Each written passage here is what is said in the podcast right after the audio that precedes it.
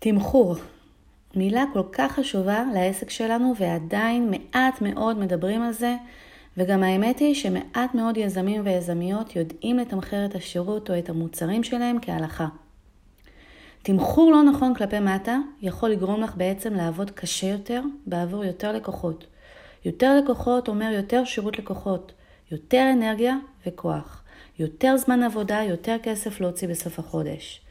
תמחור לא נכון כלפי מעלה יכול להרתיע לקוחות. לקוחות לא יקנו מהחנות שלך, את תשלמי על התנועה, אבל בפועל לא יהיו מכירות.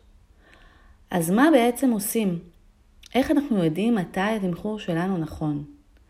אז אם את נותנת שירות, את כבר נכון לחודש ינואר 2020 אמורה לדעת מהו היעד החודשי שלך לרבעון הראשון, נכון? במידה ולא, תעזבי הכל, תעשי זאת עכשיו. את צריכה לחשוב בעצם כמה לקוחות את צריכה בחודש כדי להגיע לזה ומהם שילובי השירותים שאותם את צריכה לספק.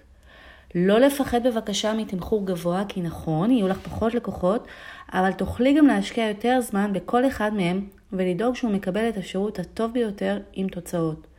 תחשבי כמה זמן פנוי יהיה לך אם תתמקדי במספר מצומצם יותר, יהיו לך פחות כאבי ראש, פחות אנרגיה להוציא ויותר זמן לעצמך ולמשפחה. פשוט תענוג. מצד חנות האונליין, התמחור צריך לכלול את עלות המוצר, עמלות הסליקה, שינויי מטבע, עמלת פלטפורמה מכירה, עלות פרסום הממומן, מס למדינת ישראל, מע"מ אם מוכרים ללקוחות ישראלים. לאחר שיש לנו את עלות המוצר נטו, אנחנו נצטרך לתמחר אותו פי שלוש, על מנת שנוכל בעצם להרוויח כמו שצריך.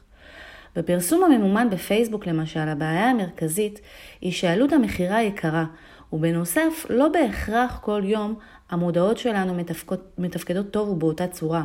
ישנם ימים שבעצם לא נמכור, ויש ימים שנוכל למכור הרבה. על ידי זה שתתמחרי נכון עם מרווח הוגן בין עלות לרווח, את מאפשרת לעצמך בעצם מרווח נשימה, גם בימים פחות טובים. אם יש לך רווח של 10 דולר למוצר, את תמצאי את עצמך סוגרת מודעות כל יומיים, ולא תראי ממש רווח ממשי, אלא יותר הפסד.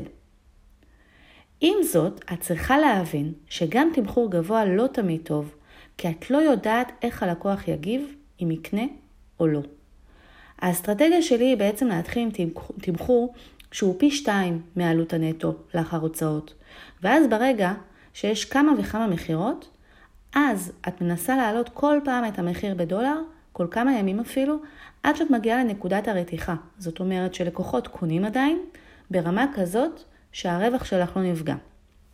ואפילו עלה. עזר לך?